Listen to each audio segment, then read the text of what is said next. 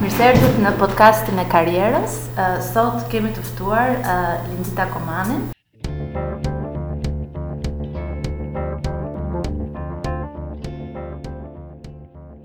Lindita, faleminderit që na ke ftuar në ambientet e Talent Garden. Mirë se erdhët. Tiranë. Lindita, titullin e ke menaxhere, konsulente, sipërmarrëse dhe, po, shkrimtare, se dhe shkruan. Po.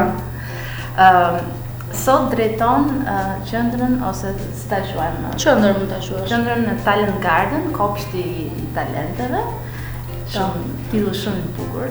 ë Rëndësishme.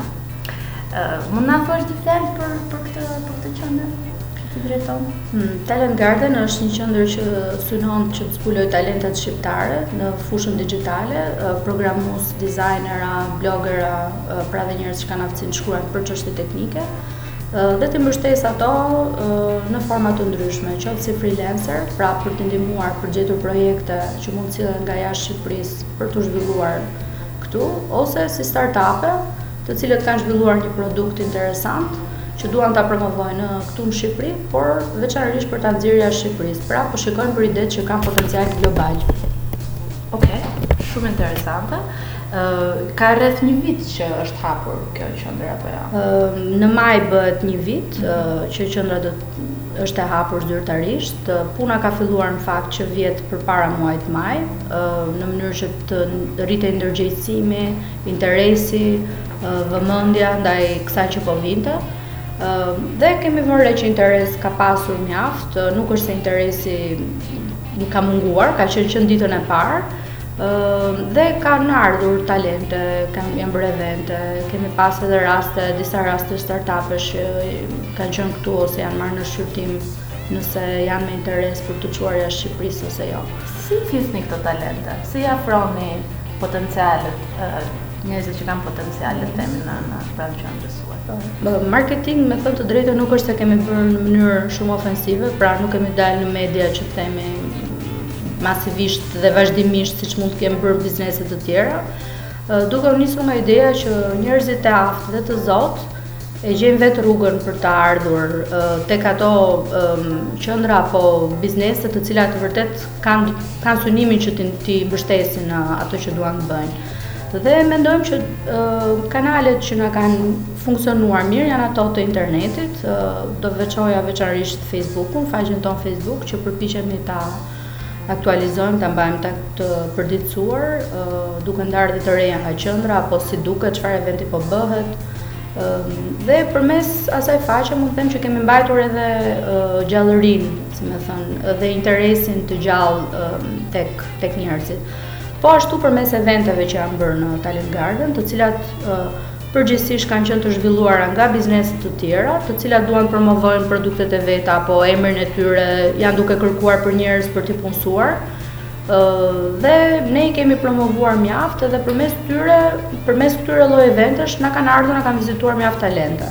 Kështu që ne mund të themi kemi një një pool talentesh, të cilët mund t'i rekomandojmë madje edhe për biznese që janë duke kërkuar për njerëz. Ah, për shembull, okay. nëse vjen një firmë e huaj dhe thotë a njihni programues të mirë, ne kemi të tillë që mund t'i rekomandojmë. Se nëse vendosin firma për t'i marrë ose jo, është gjë tjetër, do bëjë intervista të tjera. Po kemi raste të tilla që ka funksionuar. Pra sot ti e drejton këtë kopsht talentesh, po. si të thënë, por uh, edhe ti ke pasur rrugëtimin tënd, uh, kështu që sot do flasim pak më shumë për ty dhe po. çfarë eksperiencash ti ke në në tregun e punës. Pas studimeve të tua që i ke bërë në Austri, në, Austri, në Graz, në degën biznes dhe financë. Po. Uh, Më flit pak për vitet pas shkollës. Cilat ishin gjërat pra ti u, u, u diplomove në këtë degë dhe çfarë ishte gjëja e parë që bëre për sa i përket punës? Puna është që unë kam jetuar në Austri dhe kam shkuar aty si studente nga Shqipëria, pra pa mundësinë për pas aty të isha e stabilizuar, të kisha letra pune e tjera, që do të thotë pengesa numër një dhe kryesore për mua ka qenë mungesa e letrave të punës. Për aq vite sa isha akoma në Austri, bëra përpjekje për të parë mundësi për punësim në firma siç do të bënte çdo njeri, domethënë kur mbaron shkollën, që të shikojë ku të ku të integrohet më mirë. Por vura re që ajo ishte një gjë komplet e pamundur sepse të mungonte aja që ishte letra e punës. Atëherë mënyra më më e mundshme dhe ajo që kam zhvilluar vetë ka qenë për le të them me sipërmarrje po të natyrës sociale, pra biznese sociale. që kanë qenë NGO, që janë zhvilluar me mua bashkëpunim. Këtu në Shqipëri flasim. Dhe në Graz. Edhe në Graz, po. Okay. Kam qenë angazhuar në një rrjet që ka qenë i sipërmarrësve të rinj, që quhet Jade. Atë model të Jade-it e kam sjellë dhe këtu në Shqipëri, e kam çuar edhe në Prishtinë. dhe në Graz krijuam një dhe janë modele junior enterprise, si me thënë si student ti provon aftësinë tënde sipërmarrëse, duke bërë projekte që janë të natyrës fitimprurëse ose jo fitimprurëse. Dhe për, përveç asaj, prapë në fushën e NGO-ve, se kjo ka qenë e mundshme, që mund të bëja që nga Austria, kam qenë, kam krijuar dhe gjëra të tjera, një organizatë që ka qenë për aktivizimin e studiuesve shqiptarë, në Shqipëri, Kosovë, Maqedoni dhe diasporë, që quhet Alb-Shkenca, bashkë me shumë të tjerë. Normalisht, po unë kisha pjesën, si me thënë, që e bëra mbarë nga ana biznesi që ajo të krijohej, të funksiononte si organizatë. Kam qenë e angazhuar dhe aty për, për disa vite. Me edhe me angazhime të tjera, Think Young, për shembull ka qenë tjetër iniciativë që e ka qendrën në Bruksel, që pra po ashtu në fushën e mbështetjes së të rinjve, synon në promovimin po veçarisht atyre që synojnë karrierë në administratë publike apo në qendra studimore që kanë të bëjnë me zhvillimin e vendeve, politikën, pra ishin më shumë e natyrës politike. Dhe aty ka qenë me projekt për Kosovën, pra në këto ujëra kam qenë për disa vite rresht, derisa vendosa përfundimisht të kthehem në Shqipëri.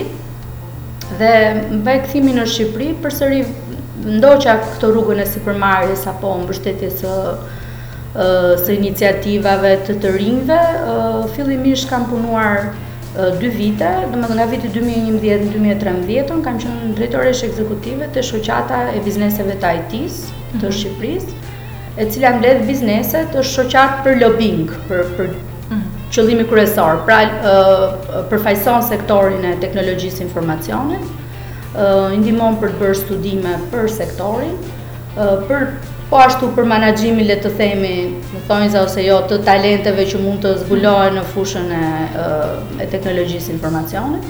Dhe me atë rast kemi sjellë për herë të parë Startup Weekend Tirana, mm. i cili u zhvillua në vitin dy mijë e dymbëdhjetë. Ndërkohë, me atë modelin që përmenda më herët, Junior Enterprise, ajo Junior Enterprise që është krijuar ekziston akoma te Fakulteti i Ekonomisë, ka ecur madje mjaft, dhe ata çdo vit rregull, organizojnë një event tjetër që quhet Startup Live. Ëh, mhm. i cili është pak a shumë një model i ngjashëm me Startup Weekend, që aktivizon të rinjtë për një fundjavë që të sjellin idetë e tyre të biznesit edhe t'i shohin të konkretizuara mbas 54 orësh mhm. përpara t'ia prezantojnë një jurie dhe të tjerë të marrin çmime.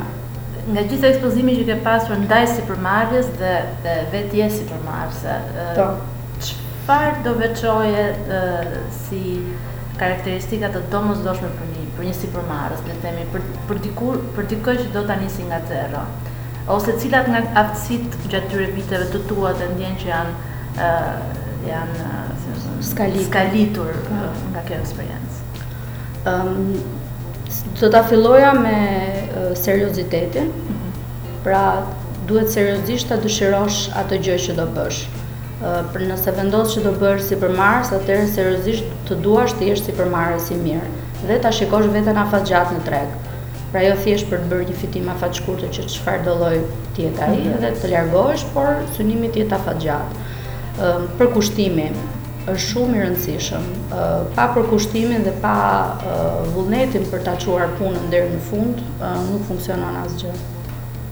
Do thoja gjithashtu duke iu kthyer seriozitetit, do ta shihja në aspekt tjetër seriozitetin në lidhje me partnerët apo njerëzit që të ndihmojnë në rrugën tënde për t'u bërë sipërmarrës. Si njerëzit janë aty dhe ti je mes njerëzve dhe në qoftë se dëshiron që të jetosh afatgjatë në një mjedis të caktuar, duhet të mësosh të sillesh seriozisht me njerëzit dhe të mbash marrëdhënie të mira me ta. Ë qofshin që i ke qejf si njerëz, pra ke dëshirë të pish kafe etj, apo thjesht për të pasur kontakte biznesi me ta. Ë si person që do të ecësh përpara në biznes, duhet ta kesh aftësinë që të dish ta menaxhosh marrëdhënien me njerëzit. Është shumë me rëndësi dhe ta menaxhosh në mënyrë serioze. Ti sot do e inkurajoje një të ri që të hapte biznesin e tij apo do e këshilloje që të fitojë një eksperiencë duke punuar për dikë tjetër? Unë vetë kam filluar direkt me sipërmarrje, do thoja, kështu që Varet nga prirja e njeriut. Ka un kam pas disa raste që njerëz që njoh kanë pasur fëmijët në moshë 16-17 vjeçe duke i përgatitur për shkollë të lartë dhe më kanë marrë mendim që ë në çfarë drejtimi t'i çoj apo atë çfarë drejtimi t'i jap biznesa, teknika, gjuhë e të tjera. Edhe gjëja që i kam i kam thënë atyre dhe mund ta them, mund ta ndaj me çdo njeri është që e para duhet shikoni prirjet që ka i riu apo e reja që po rrisni. pra mos bëni diçka që sepse e kërkon shoqëria apo sepse ju si prindër e mendoni që kjo është e drejta. Duhet ta zbuloni talentin e fëmijës tuaj. edhe për çdo të ri do thoja duhet të kuptojë çfarë talenti ka brenda vetes. Në qoftë se prirja e tij është për të qenë thjesht punonjës diku, të punojë, pra të ketë një punë fikse, të rregullt, pagë mujore fikse, atëherë mos ta provojë kot me sipërmarrjen. Ndërkohë që një person që nuk rri dot pa pa bërë gjëra vetë, pra mhm. do të aktivizohet, organizon njerëzit, ka dëshirë të bëjë software për shembull dhe ta nxjerrë në treg, ka ka prirjen e tregtarit brenda vetes, pra nga çdo gjë dëshiron që po ta shesë për shembull të krijojë një lloj fitimi, pra e kupton që e ka këtë prirje brenda vetes, Për atë është humbje në qoftë se thjesht punon. Ai mund të punojë për të pasur një punë fikse dhe për të pasur të ardhura të rregullta, sepse tregu nuk është i lehtë, është shumë i vështirë madje dhe në këtë kohë që është relativisht krize, duhet ta mendosh mirë se çfarë bën. Por në qoftë se e ka këto aftësi, është gjynah që të bëjë vetëm një punë fikse. Pra thjesht dhe për veten e vet, për ta quajtur veten të realizuar dhe për të thënë faleminderit për talentin që i është dhënë, se i është dhënë njeriu lind i talentuar me një formë të caktuar, mirë është ta shfrytëzojë. Dhe ë pyetja ndoshta e fundit për për këtë bisedë të shkurtër, ë mund të më thuash nga cili gabim profesional që ke bërë gjatë karrierës tënde, ë ke mësuar? më shumë.